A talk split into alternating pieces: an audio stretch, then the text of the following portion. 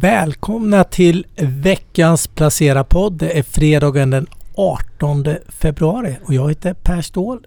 Eh, vid min högra sida har jag Elinor. Hej, välkommen! Hej, tack! Och eh, till vänster om mig sitter Pekkan som precis har rusat in på redaktionen. Hej hej! Med nya, nya KPI-siffror i bagaget men det får vi prata om lite senare. De släpptes ju nu precis på morgonen. Ja precis, de kom. Vi tar upp det sen. Vi tar upp det sen och framförallt Martin som har hårdbevakat den här intensiva rapportveckan. Ja men det har ju bara smattrat rapporter i hela veckan i alla fall på Stockholmsbörsen, även i USA. Så är det. Hej hej. Och eh, vad börjar vi med? Vad tycker ni? Vad har ni sådär som ni vill skjuta igång med direkt? Är det något... Eh, Kan vi inte börja med morgonens inflationssiffra då? Den är Ja ändå det kan, vi väldigt göra. färsk. det kan vi göra. den är Eh, färskast av det vi har idag. eh, Det breda inflationsmåttet, alltså KPI, det sjönk ju faktiskt något och landade på 3,7 procent. Däremot så steg inflationen exklusive energipriser till, eh, från 1,7 procent i december till 2,5 procent i januari. Betydligt högre än vad marknaden och Riksbanken hade räknat med. Så att det ger ju kronan lite respit och eh, det finns ju det underliggande inflationstrycket i Sverige är på väg uppåt. Vi importerar ganska mycket inflation, inflation nu, framförallt på varor. Så det blir ett litet dilemma för Riksbanken här under våren. Kan man förvänta sig att de, de, de agerar på det här och att det blir då en ändrad prognos framöver? Ja, de kommer ju troligtvis att tvingas att höja, höja sin eh, inflationsprognos något. Men i och med att energipriserna backar så blir det liksom ingen panik i leden utan man kommer att ligga kvar med nollränta. 2,5 procent känns ju inte jättefarligt. Nej, inte, tittar vi liksom internationellt så är det fortfarande en låg inflation i Sverige. Men eh, lite ökat tryck på Riksbanken och lite respit för kronan som har gått jättedåligt. Men ex- X energi säger du, men kan man, eh, kan man utläsa vilka delar är det som driver upp det då? Nej men alltså det, det som stiger mest är alltså eh, varu, varuinflationen. Alltså. Mycket importpriser som är höga. Livsmedelspriserna, lite inflation kommer det även därifrån. Mm. Och sen fick vi ju också stigande priser på drivmedel i och med att eh, dieselpriserna har gått upp så mycket. Ja men det är väl samma som man ser i det vore konstigt om det inte blev så här tycker man med tanke på att alla bolag flaggar för att deras inköpskostnader går upp och att de ska höja priserna och ta ut mot kund. Så att det är klart att det ska filtreras genom hela systemet och då ser man väl det nu. Men hur tänker du då? Eh, Man, man ser det här ur ett börsperspektiv. Det är väl ändå det som händer i USA som, som påverkar börsen mest? Eller vad, vad, vad är din eh, syn på det hela just ifrån den här siffran? Är det liksom jaha? Ja, nej, men alltså det, det här spelar ju ingen roll för egentligen för den svenska börsen. Liksom. Och vi har ju en väldigt svag krona så effekten skulle väl kunna komma därifrån då. Att kronan skulle stärkas på det här. Men det sker ju från sådana nivåer så det ska inte påverka börsen, den svenska börsen i princip alls. Så, utan det är ju fullt fokus på USA nu. Då. Man börjar prisa in närmare sex räntehöjningar eh, i år. Så det är, det är ju dramatiken. Så det är fortfarande mars, marsmötet som är liksom... Ja, inflation, inflationssiffran för februari som kommer någon gång 10 mars eller någonting, eh, 10 12 någonting. Och sen eh, det, det hinner de ju få innan marsmötet och får vi en väldigt hög inflationssiffra där då ökar ju risken för att eh, Fed kommer att tvingas höja med en halv procentenhet. Definitivt. Och vad är inprisat nu då? Ja, det är väl ungefär 40 procents sannolikhet för en höjning med en halv procentenhet. Ja men det är klart, långräntan gick väl över 2% här förra veckan var det väl. Har legat och studsat där i USA. Och om man nu länge har pratat om att det finns en alternativ till aktier. Skulle den fortsätta upp lite till så finns det ju plötsligt ett alternativ om man vill ha en säker avkastning på 2-3 procent. Eh, som, som alternativ till en direktavkastning på aktier. Då, som, Ja, men det kostar ju att ligga i, i räntepapper när räntorna är på uppgång. ja så är det. Så det är mm. väl, men jag menar med den mentala inställningen till att, att man måste vara i aktiemarknaden även om man inte vill vara där med alla pengar. Eh, Den det tankesättet är ju på väg lite bort då om man tror att långräntan ska upp ännu mer. Ja. Och det är väl det vi ser, eller har sett hela året här hända.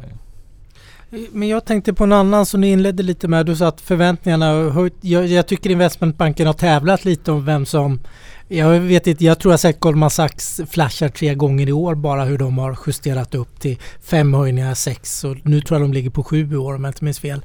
Och andra banker också att det har blivit eh, Alltså det är stor nyhetsflash när de på något sätt justerar för att det blir ytterligare en höjning i år. Och det känner inte jag igen sen tidigare just eh, den retoriken. Nej, jag tycker att man har sprungit iväg väldigt mycket med, med eh, förväntningar på amerikanska räntehöjningar. Eh, de talade om tre liksom, i slutet på förra året och nu är man uppe i 6-7 då, precis som du säger. Man kan väl säga att börsen har ändå tagit emot de här eh, tuffare räntesignalerna på, på ett bättre sätt än vad jag, vad, eh, vad jag hade trott. Och sen är det den här Ukraina-krisen som kommer att stöka till det så man vet inte vad som beror på Ukraina och vad som beror på ränteför, stigande ränteförväntningar. Mm.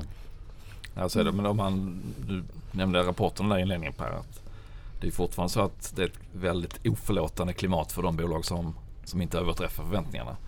Och även om de flesta bolag har haft bra intäkter, marginaler som har varit lite tunna kanske men, men ändå bra vinster. Så ser man fortsatt den här veckan på svenska börsen som Sinch och Storytel som kom med rapporter som var lite sämre än väntat. Att det är inte så att de faller 3-4% utan de är ner 20% när det blir besvikelser. Och en hel del amerikanska techbolag har ju varit samma, samma sak, att de faller 15-20%.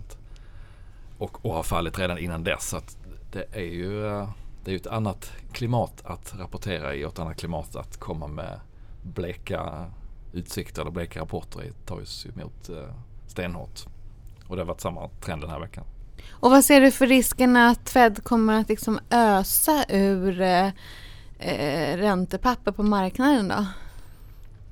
Eh, vi får väl se hur, hur eh, börsen och, och, konjunkturen reagerar på det här med, med, med de räntehöjningar som kommer. Eh, jag tror att det blir ganska svårt för Fed att börja ösa ut statspapper i, redan i, i år. Det är lite, lite för stökigt för att göra det. Trycka upp långräntorna ytterligare. Men måste de inte göra det om, om, om inflationen blir riktigt, riktigt hög? Jo, det är ju mardrömsscenariot är ju att, att vi får väldigt höga inflationssiffror som tvingar Federal Reserve att agera. Trots att man ser en oro på börsen och kanske lite osäkerhet, ökad osäkerhet kring konjunkturen. Men um, vi är inte där riktigt än. Nej. Men slagit värre. Som du säger, det har varit oerhörda reaktioner, ja. framförallt då på enskilda aktier ja. de senaste veckan. Sinch. Ericsson. Mm. Kanske veckans... Det var ju ganska bolagsspecifikt ja, då. Precis, om någon nu missar det så handlar det om att de har haft en intern utredning som de efter att ha fått påtryckningar från Uppdrag granskning är det väl framförallt eh, har gått ut med uppgifter att en del anställda har fått sparken efter att de har mutat sig till transportvägar som jag förstod det i Irak. Och då har pengarna hamnat hos Isis? Hos IS eller Isis, precis. Det är ju inte så trevligt då. Men aktien är 14 procent vilket väl var ungefär 50 miljarder i börsvärde. Eh, och de här böterna eller botarna som skulle kunna dyka upp lär ju inte vara i den storleken. Så att om man ska se rent krasst på aktien så är frågan om inte det är en överreaktion ändå. Att, att kapa 50 miljarder i börsvärde på något som kanske blir en bot på, ja, vad vet jag, de, de fick väl 10 miljarder för de här tidigare eh, bestyrande de har haft amerikanska myndigheter då inom Ja, de har väl någon eh, sån twist som också är pågående där man inte riktigt vet. Ja. Det med amerikanska myndigheter känns alltid ja. Eh, jobbigt tycker jag. Men, Men och, och, det är ju frågan som är kanske viktigast i det här fallet då är ju visste amerikanerna om det här? Eller är det ny information för dem också? Som skulle kunna innebära liksom ytterligare en bot på det gamla. Eller är det här något som de har vetat om men som, som eh, man har underlåtit att informera marknaden om. Så att det, det är mer ett informationsbekymmer eh, just nu skulle jag säga än, än själva faktumet. För det var redan 2019 och tidigare som det hände och som De här personerna då som enligt Ericsson eh, gjorde fel har fått lämna bolaget. Men det man undrar också det är ju att det här är ju långt ifrån den enda korruptionsskandalen med Ericsson så tänker man, i alla fall jag, sådär att, att finns det något mer nu då? Och så blir jag lite besviken för det kändes som att de för en gång skulle hade lite positivt momentum med Ericsson och så bara Ja, men, ja, men så det, de kom ju med en bra rapport så att, och aktien var ju upp inför det här. Så att. Jo men så är det. Men jag tänker lite på det Elinor säger. För om man tittar nu på de stora fondinflödena som har varit de sista åren. Det är extremt mycket ESG-pengar. Och eh, det här kan jag tänka mig, det här blir en liten röd flagg. Jag, jag, kan tänka mig att flera investerare har sålt nu. De resonerar lite som dig. Vi trodde att det inte var så illa som det är. Ja, dock inte det... sålt men heller inte köpt. Nej. Nej, men jag menar om du är, har en stark ESG hållbarhetsprägel på din fond som du säljer till både kanske institutioner och privatkunder så kan jag tänka mig att ja men då, ja, ingen rök utan eld. Eh, vi vill vara kompatibla, vi vill inte få in det här, varför äger ni Ericsson liksom som eh, där kan jag tänka mig ytterligare en liten andel, en anledning och kanske lite varför det har blivit överreaktion också att, mm. att man, man lämnar liksom mm. aktien om, om man har... Inte sällan har det varit rätt att göra det om det dyker upp en sån här dålig grej så har det kanske inte blåst över på en gång utan det kan komma mer eller det kan komma stora investerare som lämnar så att det har ju, det har ju ofta varit rätt att gå på ryggmärgsreflexen att lämna där eh, under perioder. Sen så när allt klarnar så vänder det förhoppningsvis upp. Men eh, till deras, eller aktiens försvar får man väl säga att det, det här är sånt som har hänt ganska långt tidigare och utredningen och eh, det agerande, actionen som de tog skedde ju 2019 och tidigare. Så det är inte säkert att det är ny information för dem som kan dela ut böter då. Nej. Så det, det, kan ju mycket väl lägga sig och bli ett eh, att de får en uh, smisk slap, slap on the fingers för informationsgivningen men inte för själva agerandet. Och sen blir det ju en väldigt stor eh, alltså liksom, eh, mediegrej och allting. Men jag tänker att eh, den ESG-investerare som, som liksom verkligen gör sitt jobb, är den överhuvudtaget inne i Ericsson från början? För att det har ju varit korruptions... Det, det här är ju inte den första. Mm. Och, och det, det, blir också den här frågan, går det överhuvudtaget att vara i de här länderna utan att liksom göra sig skyldig till den här typen av brott? Alltså det ställer ganska mm. många frågor. Mm. Och, eh, och, och det blir så här, ska man dra sig... Ja, det, det finns ja, må, ja, många frågor. komplext och det mm. är också frågan, lite som du är inne på, ska man, ska man gå in i de bolagen som visar att de gör någonting fast det, fast det kan ha sett dåligt ut nu och tidigare? Lite som med SSAB som är den största utsläpparen men de är samtidigt den som gör det här hybridprojektet med mm. fossilfritt stål och som kanske ställer om hela stålvärlden mot en bättre framtid. Eh, så det är väldigt mycket eh, olika bollar att hålla i luften om man ska ha ESG, eh, e trollkarlshatten på sig. Ja, det är en komplex värld ja. och det vet vi. Ja. Men det har varit lite en våt filt igen med Ukraina, Ryssland, NATO. Jag vet inte hur man ska rubricera den här oron eh, rubrikmässigt. Men det är ju, det är ju ständigt eh, mycket spekulationer. Och det här är ju så symptomatiskt. Jag, så länge jag har varit inne på aktiemarknaden det är alltid mycket spekulationer. Och nu är det kanske mer spekulationer än någonsin nu som det spekuleras mycket kring Fed. Hur stor höjningen blir och sen hela den här Ukraina Rysslands eh, historien då, hur vilken Eh, Eh, vilken utgång det blir nu. Men är, är marknaden väldigt... Du skrev din utblick nu i, i veckan, tänkte jag på Pekka. Och vad som slog mig det var att det är hyggligt många länder som är upp under månaden. Jag tittade lite på fonderna. Rysslandsfonderna var i princip flat under månaden. Det själva epicentrum då har varit. Och det, det, är klart, det hålls upp av ett starkt oljepris nu för oljan hade gått upp 12 procent tror jag i, i mätt i dollar under den här månaden. Men du hittar Brasilien var jättestora vinnare. Det, det var ganska många vinnarbörser senaste månaden. När det har varit kanske mer stökigt än på länge tycker jag nu. Ja, och det är det jag menar också när jag säger att, att eh, börsen har liksom hållit emot rätt bra.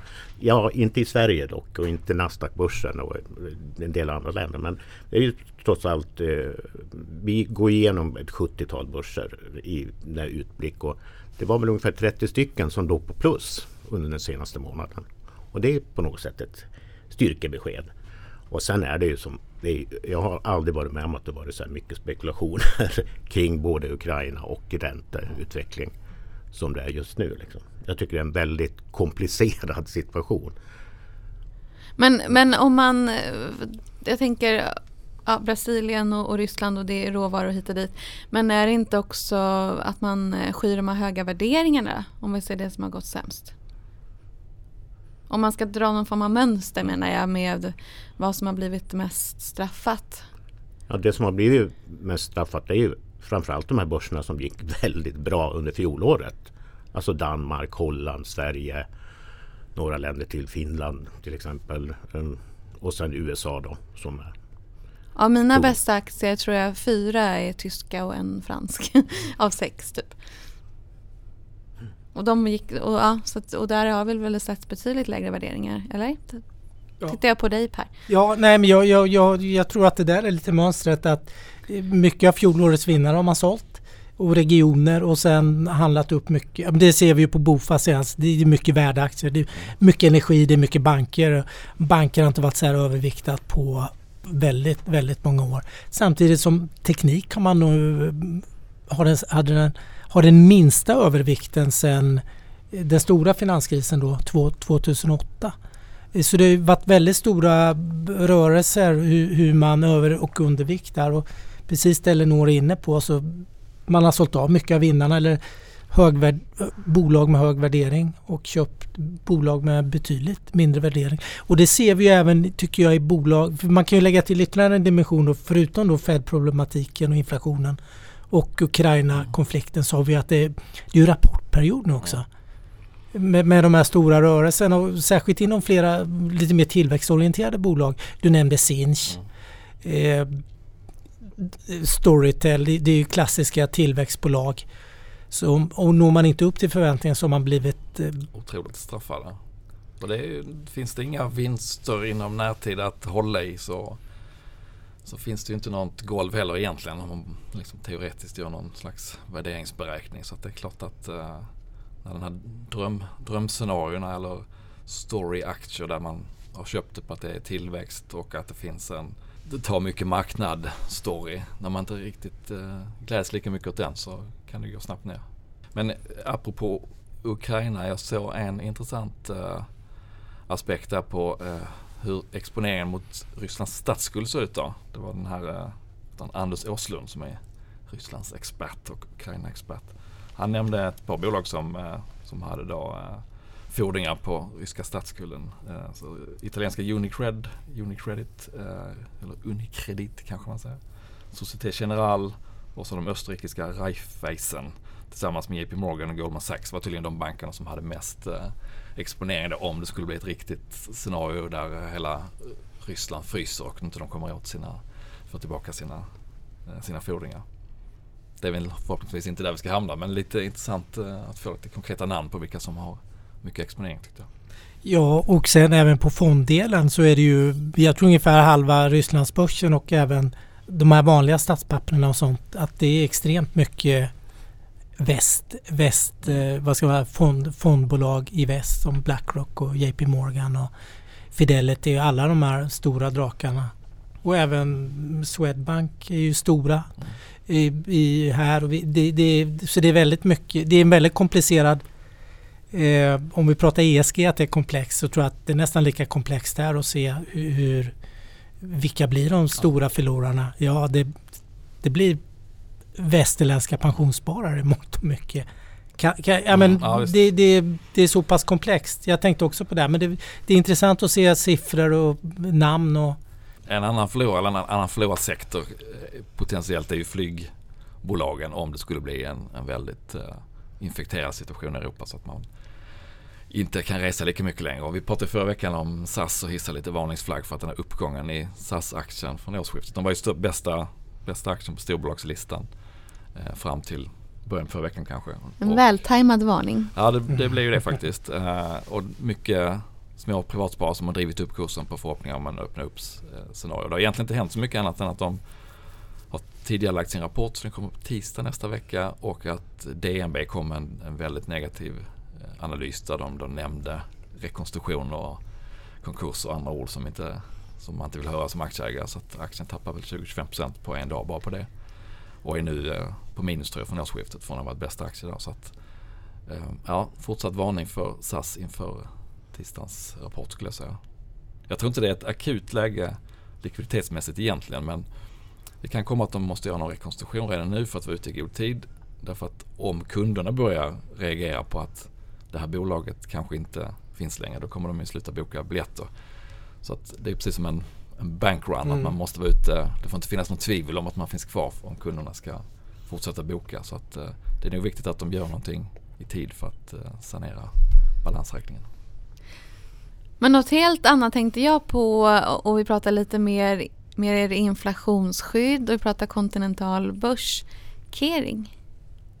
Ja just det, de lämnar en bra rapport. Jag tänker det är så mycket, det ja, var så mycket negativt i den här så vi, vi kanske ska säga någonting positivt. Ja men det var jättebra. De, de har ju de stor, det stor, riktigt stora märket är ju Gucci. Nu vet man inte om den här eminenta, nu kan jag göra lite reklam, men Gucci-filmen som kom här, House of Gucci, som ja, släpptes i vintras. Ja, jag har sett den. Såg den faktiskt. Vad satte du för betyg? Ja, den var väldigt bra. Eh, jag tyckte om den väldigt mycket. Jag tror att det har haft en liten effekt faktiskt. Ja. Det, det, var rätt schyssta sådana här lite loafers, lite sådana här man bara känner att ah, det här är snyggt liksom. Men det har haft en viss effekt sannolikt. De eh, Gucci har man gjort en turnaround under flera år men det, de kom in väldigt bra. Väldigt mycket över förväntningarna på marknaden. Det blev mer än dubbelt så bra. Det var 17 tillväxt tror jag räknat year on year. Det blev 35. Eh, det gick väldigt bra, överraskade väldigt bra. Drog ju hela sektorn igår. Igår var ju en rutten dag. Mm. Den som minns. Det var ju inget sådär. Det var ingen av dem. fort här. Ja, det svänger fort. Men, men igår var det ju riktigt eh, tyckte jag lite, mm. det var sådär, det blev lite botten nu i sista timmen. Men Gucci klarade sig bra. Den var väl upp, den var upp som mest 7% någonting, blev, stängde väl på 4 vilket var relativt väldigt bra. Drog med sig hela sektorn upp.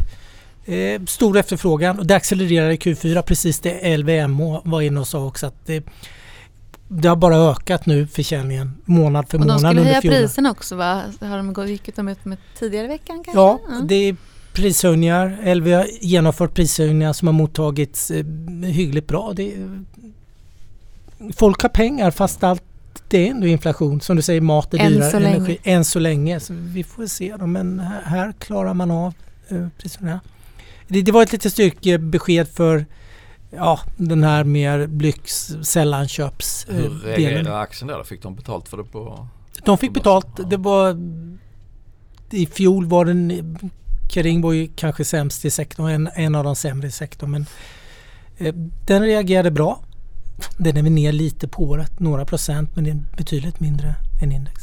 Så det var, det var ett bra styrkebesked. Det finns sektorer som ändå eh, på något sätt, om man, om man kan skala bort allt det här enorma bruset som är nu ja. i de här stora frågorna så... Några procent ner, det är det nya upp kanske? Ja.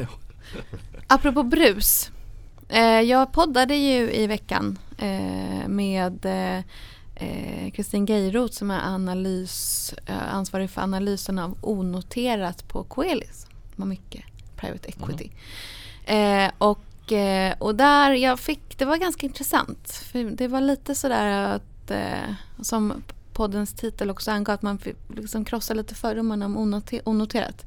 Så ehm, ja, det var, och där kan man ju prata om, och det är också det positiva med att vara utanför börsen. Det är ju mycket mindre information och allt sådär så det är ju såklart oerhört riskfyllt därav. Att det inte finns en, liksom, en stor marknad som värderar aktierna hela tiden. Men den stora fördelen är ju faktiskt att du slipper mycket av det här bruset. Mm företagen får vara mer liksom i lugn och ro eh, och eh, du slipper de där eh, liksom kortsiktiga effekterna och de här stora slagigheterna som ändå finns. Mm. Man kan så, zooma ut lite från Ja, och jag tror att det är lätt att man uh, tänker onoterat och så, tänk, så är det liksom så får man upp en, en breakit-artikel kanske som står ah, vi har tagit in en miljard om tio år kanske vi har eh, 100 miljoner kunder så då kanske vi kan börja ta betalt. Mm. Lite så, att det är liksom den, eh, eh, för det har varit mycket så på sista tiden. Men eh, det finns mycket annat också. Så ja, det var, det var ett litet lyssnartips. Ja, det ska vi lyssna på. Jag har inte lyssnat än. Jag ska lyssna i helgen. Eh, jag tänkte på en annan sak. Eh, lite på onoterat. Jag såg att eh, en av spackarna var ute och pratade i veckan. VDn för, nu får du hjälpa mig här, eller ni får hjälpa, ACQ Spack, kan det heta det? Bures Spack? Ja. Nu var jag rätt på det. Jag såg att ja. VDn var ute och pratade nu. Ja, för de släppte, nej, det var ut, det var nog igår. Ja, det var ju så rapport. stö- ja, de kom det- med rapport. De kom med rapport. Men han sa att, eh, nu kanske man pratar lite egen sak då, men att priserna har blivit betydligt Ja. billigare på onoterat då. Han, I alla fall inom tech, eh, Ja. liksom tillväxtsegmentet pratar han om 30-40 procent. Nu klart det kanske är egen sak om du ska köpa något. Att du vill dissa det. Säg att det är hälften av det här att det har gått ner 20 så mm, vittnar det ju om, vi har pratat om Ja. det tidigare, att det finns kanske lite spack eh, potential nu för att det kan vara de köper betydligt billigare än, än, att- än att de hade köpt kanske i höstas här. Det Ja. finns något att köpa till en rimlig peng. Ja, Ja, och man kan väl tänka att säljarna eh, tänker att det här börsnoteringsspåret har varit nummer ett, två och tre kanske på listan tidigare. Och så ser man nu att det är lite svajigare på börsen och de bolag som gick till börsen förra året, vilket ju var, vad var det 160 eller något när jag gjorde någon sammanställning häromveckan. De flesta av dem har ju inte tagits emot så bra eh, efterhand då, så att eh, säljarna borde också vara mer benägna att kanske hitta ett annat hem som är lite stabilare och en ägare, få en stor ägare direkt än att man går ut och eh, på det här stormande havet. Så att eh, I'm all for you. en annan sak som du har skrivit om som Ja, jag tänkte vi bara kan tangera lite. Det var lite, vi pratade värderingar innan nu då, att man kanske har sålt fjolårets coronavinnare som var högt värderat och köpt mer eh, cykliska bolag nu då under året. Hur värderingen har kommit ner nu i alla fall. Jag menar det blir, vi pratar om det här, bolagen tickar på rätt så bra. Man når kanske inte upp till konsensus i vissa fall. Men det är ändå små marginella eh, liksom det, det är ju mycket eh, relativ Ja. spel på något sätt. Men i absoluta tal tjänar ju bolagen väldigt bra med pengar idag. Bättre än någonsin för många. Värderingsmässigt, vad, är din känsla nu? När, hur, hur långt kan vi komma? ner? När kommer köparna tillbaka? Du pratar ju själv om att ja, det finns alternativ med Ja. obligationer. Men någon gång blir ju börsen förbaskat billig. Det vet vi ju innan att men den, man tenderar att överskjuta liksom. Den blir extremt billig. Nej, men tittar man på storbolagen i svenska OMX30 då så är det många som är ner en, eh, ja, mellan 10 och 20 procent sedan årsskiftet. Samtidigt som rapporterna har varit i linje med förväntan. Prognoserna har inte ändrats. I det fall de har ändrats så har de skruvats upp lite de flesta. Så det innebär ju att multipeln, värderingsmultipeln har gått ner rätt så kraftigt för många bolag. Och eh, ja, men speciellt verkstadsbolag kanske. Alfa Laval och Atlas, Electrolux, Hexagon, SCA. Några exempel som har gått där P-talet har fallit med nästan 20 procent då. Eh, och nu kommer ju många av dem från höga nivåer så att det är inte så att de givet, eh, givet att det är helt givet att de är billiga för det. Men, men man börjar ju komma till en annan nivå där det inte är uppenbart dyrt jämfört med historiska värderingar längre. Och det är väl första steget i alla fall mot att det ska kunna börja bli billigt någon gång. Och eh, ja, men i vissa fall Electrolux har väl P-tal på 10 ungefär och SKF 10-11 så att det börjar ju komma ner där man sällan ser att det går ner så himla mycket mer om man inte tror att vinsterna ska droppa igenom. Kollapsa Ja. helt. Mm. Men jag tänkte på en grej apropå det du skrev och jag blev så förvånad med, med företagsobligationsfonder att de inte hade gått ner mer. Mm. Ja, då blir jag så här igen. Är inte det att, liksom, att de här riktiga priserna inte riktigt syns i... Där kanske du kan... Inte riktigt syns liksom ännu i eh, de här värdena om man säger. Som man får. Fond, alltså vad, vad, vad fonderna står i. För jag menar om räntan har gått upp då borde väl åtminstone liksom obligationerna gått ner lika mycket eller? Ja men i Europa har det ju gått ner. Ja, men varför har det inte gjort det här i Sverige? Jag blir lite misstänksam nej, men- här. Jag förstår inte varför man skulle vilja köpa företagsobligationsfonder nu. Nej men, när det, räntan är på väg upp. nej, men är föränd, de är förändrade. Nu tar jag över. Jag kan ju bara inleda i alla fall och så Pekka hinner tänka lite. Eh, FRN, det är ju sådana här, de sätts ju om var tredje månad. Floating rate Rating note. note, Ja. Precis. Och... eh, Det är lite varför det är bättre här i, Ja, det- jämfört med övriga. Ja, och sen eh, svenska marknaden är mycket mindre och den är inte så integrerad i den europeiska och du har inte de stora hedgefonderna är inte här och handlar och eh, stökar till marknaden på samma sätt som de är ute i Europa då som aktörer. Så det, det är väl lite färre aktörer här. Plus att det var inflöden i januari.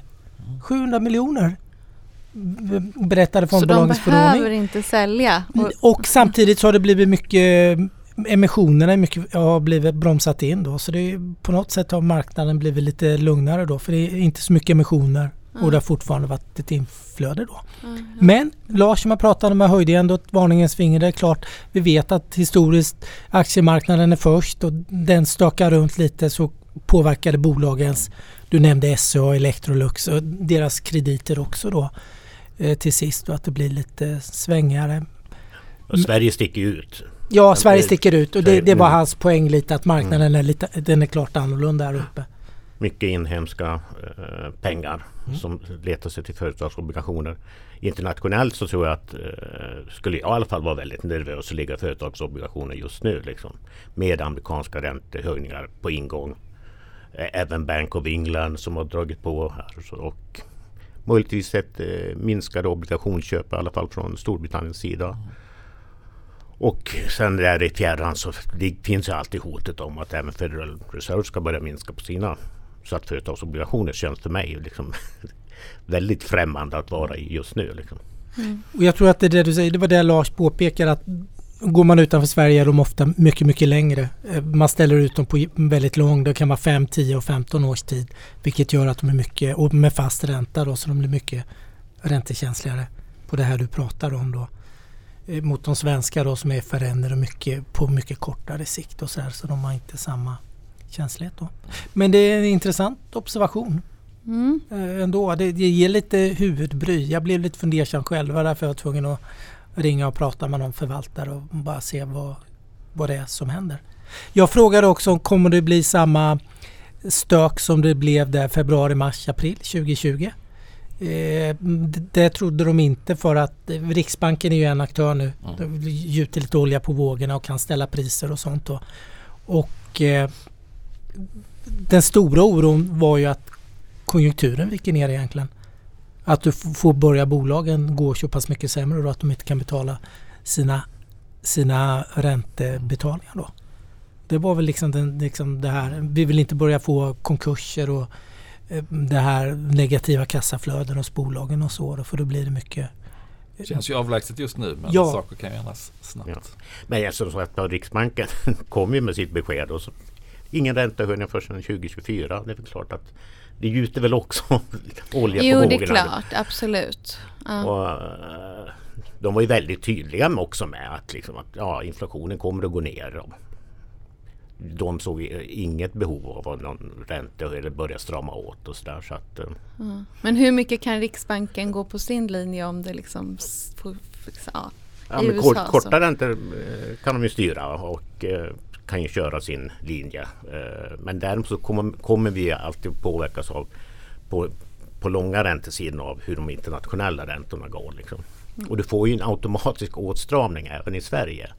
Bara på grund av det. Liksom, så att. Och det finns ingen risk att de börjar sälja massa? Riksbanken? Nej, det var de också ganska tydliga med mm. att det, det, är inte dags än. Utan man kommer återinvestera alla förfall och sådär. I alla fall under en överblickbar horisont. Mm. Sen kan ju allting alltid ändras. Liksom. Mm. Men, men eh, vi får lita på vad, vad Riksbanken säger just nu i alla fall. Jag tänkte på en annan grej. Vi pratade mycket om teknisk analys förra veckan. Som kanske inte är något av vårt specialområde egentligen. Men eh, om man tittar på hur index på svenska börsen ser ut nu så är den ju, gick, har den ju gått under vad det var då i slutet på januari. Botten där det vände upp. Och är ungefär där det var i höstas. Vet, vi hade den här dippen i september-oktober där det sen vände upp. Så att eh, hobby, den hobbytekniska analytikern ser väl att det är ett ganska viktigt läge här att antingen vänder det upp nu eller så kanske det blir eh, Fortsätter det ner då kan det gå ner rejält. Ja. Mm. Hur har ni själva agerat i den här stormen då i veckan? Ja, det blev ett köp på Electrolux bra där. Ja. Eh, du, eh, ja precis. Eh, det, liksom, det var Börsveckan, det var du. Eh, det var ja, en väldigt låg värdering, hög direktavkastning. Massiva eh, återköp. Och äh, återköpen. Ja det var helt enkelt lite för svårt att låta mm. bli där. Så just på den lilla den här devisen att man håller sig till det som är lågt värderat och ja. Känns, ja, så det var mitt. Mm. Jag har ju adderat på lite alfabet ja. som du kommenterar lite. Jag, mig tilltalar, jag har ju en bakgrund från indexverksamhet och att de ska göra en massiv split Mm. 2021. Och eh, jag tror själv att de kommer med där Jones Index. Kommer, nu är det här en lång process för det blir inte beslut förrän i somras här då, eller i sommaren som kommer. Men, men eh, jag känner att det finns en kudde där plus att det inte är jättehögt värderat. Det var en bra rapport de hade. Men jättetråkigt. Köpa alltså ett av världens största bolag och eh, teknikbolag. Det finns många som kanske är mycket, mycket mer spännande och kanske på en annan tillväxtkurva. Lite safe inom tech Mm. känns det som. Sen har jag köpt lite, lite mer Rysslands ETF då. Oh, så det har varit lite... Ni ser, jag balanserar. Det är extremt billigt är det faktiskt. Det är mycket inprisat på ryska börsen att det blir... Eh, det är lika, lika mycket inprisat som vid Krim, om inte mer säger de förvaltare jag har pratat med. Så det finns... Det är mycket, mycket skit inprisat i den. Jag, på Google eller Alphabet, jag såg att de har ju också planer på att göra som Apple gjorde då. Att öka möjligheten för användarna av Android som är det operativsystemet som, som de har då för Samsung och alla andra än Apple egentligen. Eh, så att användarna då kan, kan skruva åt sin eh, Privacy. positionering, så Mm. privacy-funktionerna vilket ju är dåligt för till exempel eh, all, eh, Meta Meta ja. Facebook. Mm. Så att det är ju Facebook som är lite i kylan i det här gänget nu medan de andra har ändå klarat sig ganska bra och haft bra annonsförsäljning. Så att, och det här blir väl ytterligare ett sätt att squeeza dem kanske. Det Ja, det-. Nej men det känns som det. Och jag, jag såg någon eh, grävande journalist eh, som hade letat fram Facebooks eh, prospekt. Mm. Eh, när det begav sig. Och på riskerna där, en av de största riskerna de har mot verksamheten. Det är operatörerna om de gör ändringar. Precis det som håller på att ske nu. Belyste de redan vid, vid, vid börsintroduktionen. Vilket år? Nu är jag ute 2014. Säger någon liten klocka. Ja, det, Kan det stämma? Det kan mycket väl stämma. Ja, det är säkert någon som mejlar och påpekar hur fel jag har. Men, men hur som helst. Eh, det här är belyst. Från eh, liksom vid börsintroduktionen redan. Men det börjar hända. Vissa saker tar tid. Då, men jag håller med. Det, det har inte gynnat Meta eh, senaste veckan heller nu. Sen har det varit mycket andra skriverier och sånt här. Då. Ja, vad har jag gjort? Jo, jag har eh, tagit ner risken lite grann i min portfölj. Jag hade en, en Östeuropa-ETF som har gått jättebra.